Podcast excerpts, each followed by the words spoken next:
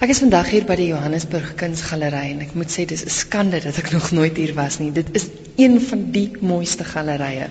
Hier by my is Antoinette Murdoch en sy is hoofkurator en bestuurder van die Johannesburg Kunsgalery. Antoinette, julle is tans besig met die uitstalling French Connections. Hoe het dit gebeur dat 'n galery in Johannesburg die voorreg het om van die ou meester se werke hier te hê? Wel, iets wat baie mense nie weet nie, is dat hier al hierdie kunswerke actually aan ons behoort. Ehm um, ons het groot stoorkamers en werk wat versamel is oor die laaste 100 jaar en ons kan nie al alles op dieselfde tyd uitstal nie. So dis maar net 'n besondere tyd waar ons besluit het om al die Franse kuns uit te bring ehm um, saam met die French South African season wat nou plaasgevind het. As ons praat van die groot meesters, as jy so 'n paar name gou kan noem. Wel, ons het alles van Monet, Degas, Picasso, so seker so 15 of 16 Picassos. Ehm um, Salvador Dali, ehm um, die lys is, is eindeloos. Ons het eintlik alles. En dis van die groot name, ek meen dis die kunstenaars wat as jy kind sit op skool waarvan jy leer. Dis reg, ja. Ons het in die vroeë jare, die die die die die vroeë 1900s het ons baie kuns, Europese kuns versamel. Natuurlik het dit verander dat ons nou meer Suid-Afrikaanse kuns versamel, maar ons het nog steeds 'n baie goeie 1900s Europese versameling. Nou die titel is French Connections, want nie net is die kunstenaars belangrik nie, maar Parys speel ook 'n besonderse groot rol. Ja, dis reg. Uh iemand soos Picasso byvoorbeeld was Spaans geweest, maar hy het in daardie tyd het hy gewerk en geleef in Parys.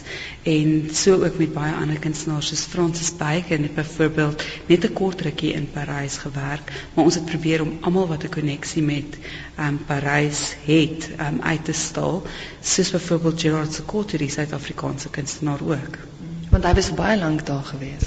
Ja, hy het in Excel daar gaan bly van 1974 en hy is op die eind daar dood. Ons gaan nou kyk na spesifieke tydperke. Ons gaan begin by impressionisme, maar jy het gesê ons gaan eintlik 'n klein bietjie net voor dit begin. Ja.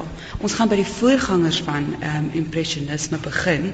Dis waar die uitstalling begin in die eerste vertrek en dit is net om te wys wat daartoe gelei het dat impressionisme gebeur, gebeur het. Wat die voorgangers van impressionisme wat gebeur het is dat met die uitvinding van die kamera wat in 1938 was, het kunstenaars amper werkloos geword want hulle het nie langer daar was nie langer nodig dat hulle uh, die monargie hoef te skilder het nie en en in diens geneem was deur um, belangrike uh, mense nie en daarom het hulle begin om te eksperimenteer met met ander tipe kuns maak en hulle het hulle borde uitgevat in die natuur en in die natuur begin verf.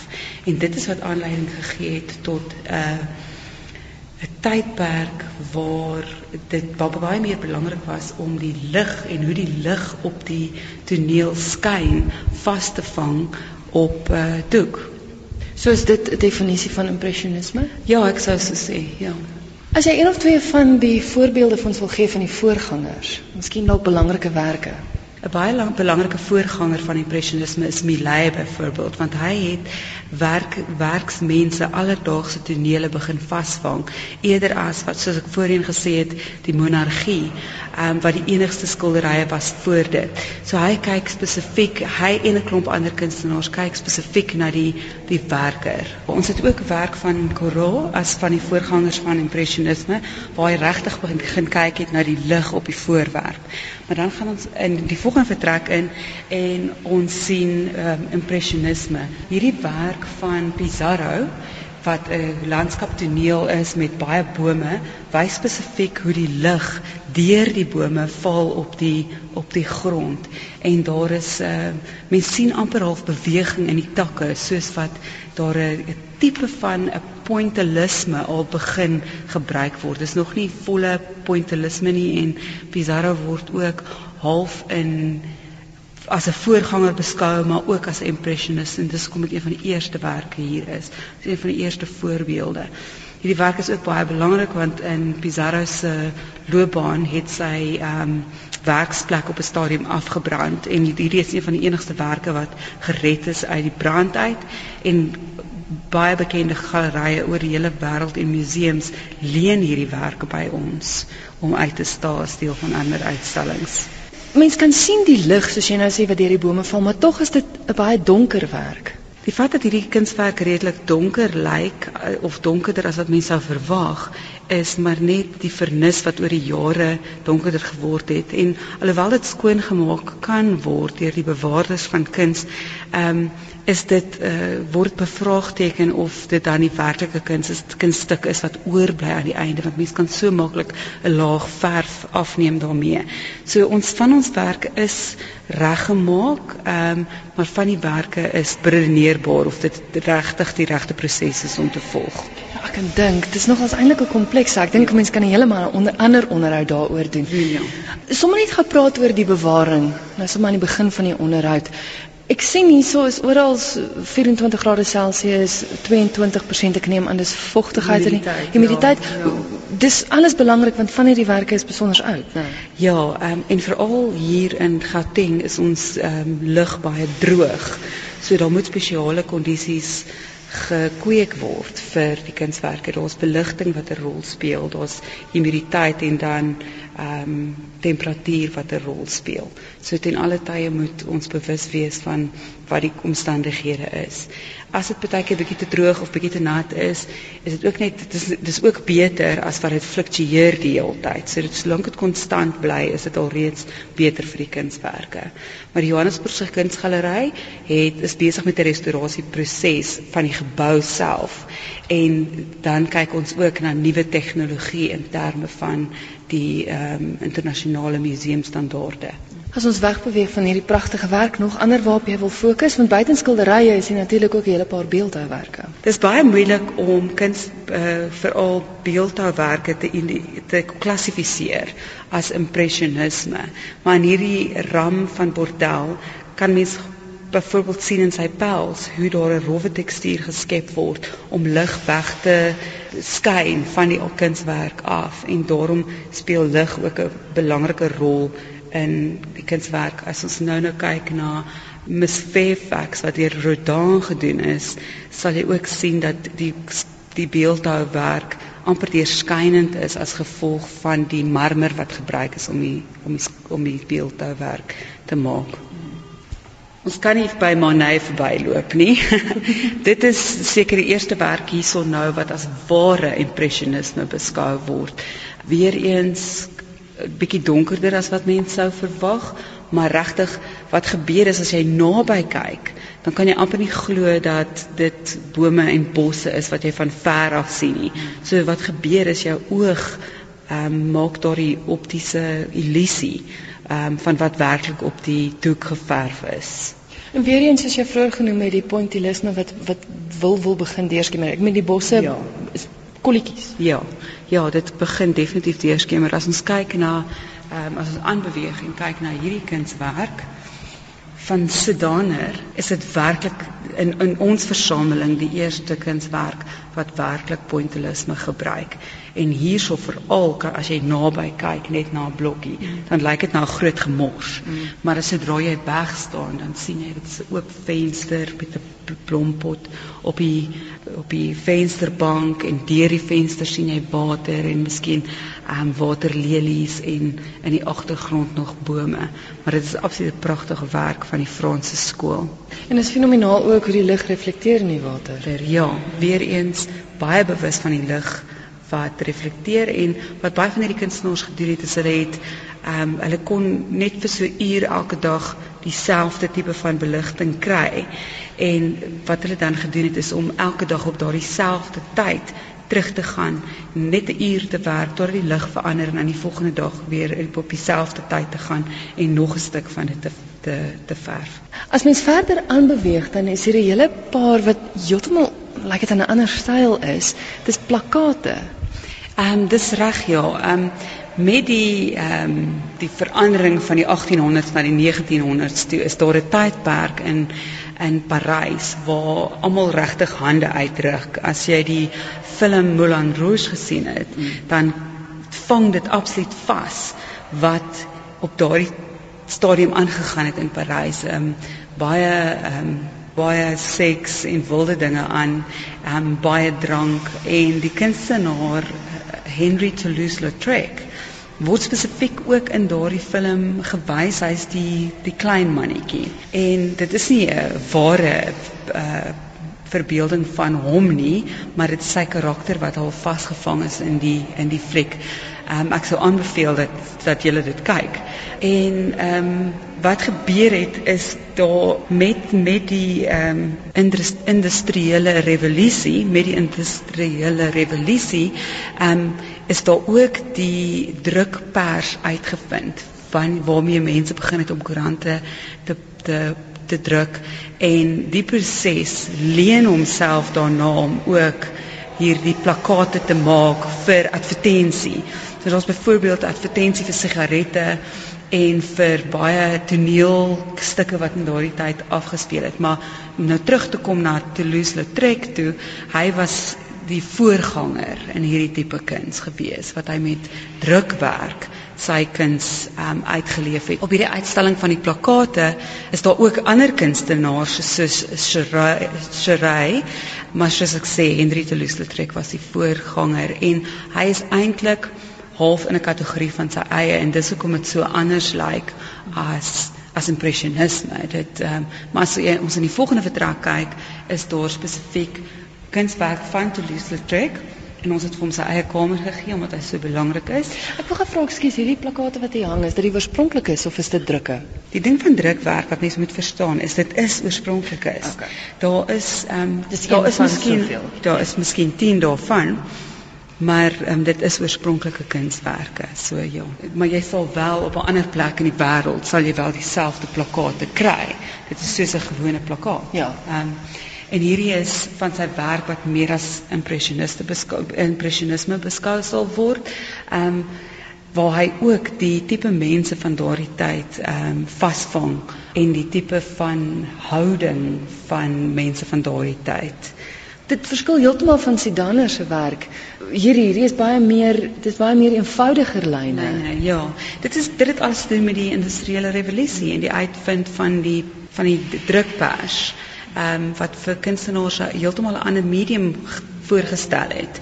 En daarom rowweg op dieselfde tyd was daar mense wat met verskillende dinge ge geëksperimenteer het. En elkeen se styl het nog steeds anders gebly. Nee, ja, dit is reg so, ja. Ek is hier by die Johannesburg Kunsgalery en ek gesels met Antoinette Murdoch. Sy is die hoofkurator en bestuurder van die Johannesburg Galery en ons gesels oor die uitstalling French Connections. Ons staan nou hier in 'n kamer. Gerard Sekoto, soos jy vroeër genoem het, een van ons kunstenaars, Suid-Afrikaanse kunstenaars. Ongelukkig het Gerard Sekoto um, Suid-Afrika verlaat in 1974 um, as gevolg van die omstandighede in Suid-Afrika en in Parys gaan werk. Um, hy het daar aangekom as 'n musikant gewerk en hy het geld so verdien en dan het hy deur die dag het hy kuns gemaak. Op baie van hierdie kunswerke beeld hy die die omstandighede, die daaglikse omstandighede van die swart persoon uit. En dit is opvallend hoe baie van hierdie mense wegkyk van die kyker af. Ehm um, en dit in my opinie bevraagteken die identiteit en die en die mensheid van hierdie mense gedurende daardie tyd. So hy is beslis besig om kommentaar te lewer op wat aangegaan het in Suid-Afrika. So alhoewel hy in Parys gewerk het, het hy ge, het hy geskilder oor dit wat in Suid-Afrika gebeur het. Dit is korrek, ja. So ehm um, daar's 'n 'n groot uitstalling wat by ehm um, die Wits Universiteit se nuwe museum opkom in vroeg in volgende jaar ehm um, waar die hele uitstalling aan hom uh toegestaan word en ek sou voorstel mense moet dit regtig gaan kyk. Natuurlik een van die ander groot meesters, een van die eerstes waarvan ek geleer het op skool in my kunstklas is Picasso. Ja, ek dink ons almal het geweet van Picasso voordat ons van enige ander kunstenaar ge, geweet het. En ehm um, ons het seker so 15 of 16, ek gaan nie nou tel nie. Ehm um, kunswerke van Picasso, een oorspronklike tekening en die ander is drukwerke wat soos ek verduidelik het, oorspronklike drukwerke is. Die meesterstuk wat ons hier het is die Harlekin en ehm um, daar was groot probleme met die aankoop van hierdie kunswerk want op daardie stadium het dit R28000 ge kos wat nou ehm um, vir ons nou baie min klink, maar op daai stadium was dit baie geld en die stadsraad het uh, gevoel dit is 'n baie lelike skildery en om R28000 daarvoor te betaal is is onredelik. So daar was 'n geveg daaroor gewees, maar ons is baie bly dat dit die stuk op die ouend in die versameling van Johannesburg se kunsgalery is. Ja, want ook eie aan hom ontstaan nou hier vir ander werke is is is die baie ek bedoel hier's van twee van waarna ons nou kyk wat letterlik lynsketse is. is. Ja, wat 'n mens moet verstaan van Picasso en al hierdie goeders wat ons nou van gepraat het van impressionisme is om dit weer terug te vat maar na die kamera toe en dat kunstenaars hulle eie ding begin eksperimenteer het. En Picasso spesifiek val nie in enige spesifieke groep nie. Soos hy is nie hy is onder andere 'n kubus hy is onder andere deel van baie bewegings. En hy is uniek en dat baie van die dinge wat hy gedoen het nie regtig inpas in enige beweging nie. So hierdie lynstukke baie mense sien dit en sê o my 2-jarige dogtertjie kan dit doen. Ehm um, maar wat hulle nie weet nie is dat Picasso toe hy 13 of 14 jaar oud is, absolute perfek realistiese voeltjies geverf het. Hy het absoluut die die kuns hy het absoluut kuns bemeester. Um, en daarom kon hy op 'n stadium kom waar hy dink hy's nou moeg vir realistiese kuns en ook al die um, ontwikkelinge wat daar was met die industriële revolusie en die kamera en drukwerk en besluit het hy gaan nou eksperimenteer buite daardie riglyne. En dis wat hom so uniek maak, hom so anders maak, is dat hy alles probeer het, net eenvoudig alles probeer het en alles reg gekry het. Ja, alles reg gekry het. Goed, ons het nou klaar gepraat oor die impressioniste. Nou staan ons in die vertrek waar die post-impressioniste is en daarna. Ja. ja. Pointillisme kom nou absoluut tot sy reg in die um, post-impressionistiese beweging. Binne post-impressionisme is daar baie verskillende kunstenaars wat verskillende dinge doen. Ehm um, so Signac wat absoluut as 'n pointillist beskryf was. Dan is daar mense soos van Gogh Ons almal ken van Gogh as die kunstenaar wat sy oor afgesny het en so bietjie mal was terselfdertyd. Hy's ook 'n kunstenaar wat in sy lewenstyd net een skildery verkoop het en nou is hy en Picasso die grootste verkopers op um, uh, in die wêreld. Die werk wat ons hierso in die galery het is bietjie anders. Dit is nou nie een van daardie wat verfmerke wys nie, maar dit is 'n houtskool tekening. Ehm um, en dit is besonder ehm um, in die in die manier wat dit ook die daardie tyd in Parys vasvang en ehm um, die mans met hulle hoë hoede. Ehm um, maar dit is regtig jy moet werd om na hierdie werk spesifiek te kom kyk. Ons moet terugkom by die pointillisme net vir luisteraars wat nie weet wat dit is nie. Net vinnig gou verduidelik wat dit is. Ehm um, pointillisme is nie 'n beweging op sy eie nie. Dis nie soos impressionisme of post-impressionisme. Jy vind dit in impressionisme en jy vind dit in post-impressionisme, maar dit is 'n tegniek. 'n Tegniek waar 'n mens, jy weet as jy blou en rooi langs meng, dan kry jy pers. In hierdie geval sal die kunstenaar rooi en blou langs mekaar verf en jou oog meng daardie twee kleure as jy ver weg staan en wat jou oog dan sien is pers. Met ander woorde, dis 'n klomp klein kolletjies. Dis 'n klomp klein klein kolletjies langs mekaar wat 'n geheel beeld vorm as 'n mens ver weg staan. Ons staan nou hier voor nog werke van kunstenaars wie se name ek ook ken en ook op skool van geleer het. ja, so baie van julle sal seker weet van Gauguin en Cézanne en Matisse en hulle word ook geklassifiseer as post-impressioniste, maar uh hulle is ook voorgangers van belangrike bewegings soos wat die tyd aanstap en Matthys spesifiek ehm um, word beskryf as 'n Fauwist. Nou 'n Fauwist is ehm um, baie spesifiek iemand wat rowwe groot oppervlakte van kleur gebruik en onrealistiese oppervlakte van kleur. Die werke wat ons spesifiek van Matthys het is swart en wit, so dit wys nie spesifiek die Fauwisme wat ek nou beskryf het nie. Ehm um, maar dit is pragtige ehm um, verbeeldings van vroufigure. Ons het nou gepraat oor pointillisme, maar hier is ons nou voorbeelde van kubisme. Hoe pas dit by die hele prentjie in? Ehm um, kubisme val onder post-impressionisme, maar ons is nou besig om verder weg te beweeg, beweeg daarvan. Maar ek dink uh, baie mense sal bekend wees met die term kubisme wat ehm um, skilderye in half in blokke opgebreek word. En Picasso is baie bekend vir kubistiese werk. Ehm um, soos ek voorheen gesê het, maar dit is nie die enigste ding wat hy gedoen het nie. So ons het nou nie 'n Picasso voorbeeld van kubisme nie, maar hy en Braque was baie bekend vir kubisme. Ons het een Braque werk soos al die ander bewegings, fauvisme, expressionisme, kubisme, ehm um, beweeg al hierdie kunsbewegings in nuwe kunsbewegings. En wat wat gebeur is ehm um, dis asof die kunstenaars wegbeweeg van realisme af en dan amper weer terugkeer na realisme toe en dan weer wegbeweeg en hmm. terugbeweeg. Dit is heeltyd asof soos kunstenaars maar is, hulle wil iets nuuts ontdek, hulle wil avant-garde wees. So so dis amper moeilik om dinge te klassifiseer en te sê hierdie is nou kubisme en hierdie is nou surrealisme. Dit ehm um, dit hang af presies wat se tyd dit gebeur het hoe presies die kunswerk lyk. So vir ons om te sê Braak byvoorbeeld is 'n kubus, maar die werk wat ons in ons versameling het lyk nie regtig soos dit nie, maar beweeg eintlik in daad daarin. Ehm um, mens moet versigtig wees waar jy goeders klassifiseer. Hierdie is my gunsteling werk in die in die in die hele uitstalling en eintlik as in ons versameling en dit is 'n werk van Salvador Dali. Ek dink baie mense sal weet van Salvador Dali ook. Ons het ook 'n tweedimensionele werk, 'n driedimensionele werk um, van die kunstenaar en wat hy gedoen het nou dat kubisme en Dada verklaar is of terselfdertyd met Dada uh, is dit 'n groep kunstenaars wat hulle droomwêreld uitbeeld. Ehm um, en dis waar Freud ook inkom, daardie hele tydperk waar mense baie bewus was van hulle psigiese toestand. Verduidelik gaan net vir die luisteraars hoe lyk jou gunsteling kunswerk? Ehm um, is 'n baie ou tydse telefoon nog voor die wat ons in ons huise mee groot ge groot geword het.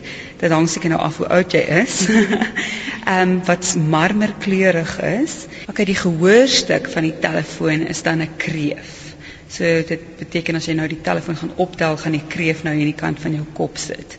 Ehm um, waarvan is die werk gemaak? Die werk is gemaak uit plastiek, metaal, draad en hout. Die gedeelte van die werk is uh wat ons sou noem found object. Dit is die terme wat gebruik word vir mense wat goeders vind en dan hulle kunswerke daar rondom bou en dan sou die kreef meer ehm um, geskep wees. Ehm um, so dit is found object en gemaakte stuk terselfdertyd. Ons het nou oor so baie terme gepraat en ek dink nie almal het noodwendig die kunsagtergrond om om te verstaan presies wat is wat nie. Is die mense wat wat gids is wat kan rondlei vir iemand wat sou belangstel om meer inligting te kry? Ehm um, daar's 'n paar maniere om dit te doen. Ons het twee gidse wat normaalweg aan diens is en wat baie goeie toere gee. Ons is ook op Groupon waar 'n mens 'n toer kan kan bespreek op 'n Vrydag aand en dan wyn en kaas en so aan by kan kry. En vir enige ander rede vir skoolbesoeke of as as daar miskien mense is met ehm um, gestremthede, akkommodeer ons spesiale toere en daardie mense kan net inbel na die galery toe en 'n spesiale afspraak maak. Dit is geen probleem nie. Ek dink ons was in 'n baie klein deeltjie van die galery gewees. Is hier nog ander uitstallings wat aan is saam met French Connections? Ehm um, daar is heelwat as mense belangstel in tradisionele Afrika werk, het ons 'n uitstalling met die titel Matters of Spirit wat op die oomblik aan is en 'n redelike permanente uitstalling is. Ehm um, daar is ook kleiner uitstalling deur Steven Hobbs wat eintlik kyk na die toestand van die galery. Die die uh, die galery is eintlik in 'n baie goeie toestand as jy vat dat hy 100 jaar oud is, maar ons het nou 'n bietjie ehm um, werk nodig aan die dak ensovoorts. Steven Hobbs kyk volgens sy uitstalling na die probleme wat ons het en ons probeer dit ehm um, onder mense se aandag bring want geld is maar altyd 'n bekommernis en ehm um, ons ontvang natuurlik enige bydrae. Ehm um, daar is ook die foundation room in daardie vertrek is daar kunswerke van die vroegste versamelings en halfe tydlyn van van die versamelings van Johannesburg Kunsgalery. Ehm um, en dan is daar 'n klein uitstallingkie oor nuwe werk wat ons aangekoop het. Al het ons nie geld nie, het ons gelukkig 'n baie groot ehm um, begroting. Daar is 'n groot belegging gemaak deur Anglo America in 1986 en van hierdie begroting gebruik ons die rente jaarliks om kuns aan te koop. So ons is baie bevoordeel om nog een van die ehm um, instellings te wees wat dit kan bekostig. Ek kan nou vir die luisteraars sê waarom hulle die moeite moet doen om Johannesburg Kunsgalery te kom. Ek wil graag uit jou mond uit hoor. Hoekom hoekom hier na toe kom? Ehm um, dit is 'n juweel in Johannesburg en 'n mens moet eenvoudig hier 'n draai maak. As dit nie is vir die kuns nie, kom vir die argitektuur. En dit is die mooiste gebou seker in Johannesburg. Dit is ontwerp deur wêreldbekende uh, argitek Edwin Lutchens en dit is regtig die moeite werd soos ek sê in die oggend as ek hier instap dan ruik ek kuns en ek wil hê ek wil dit deel met mense dat hulle dit saam met my kan ruik en sien en beleef.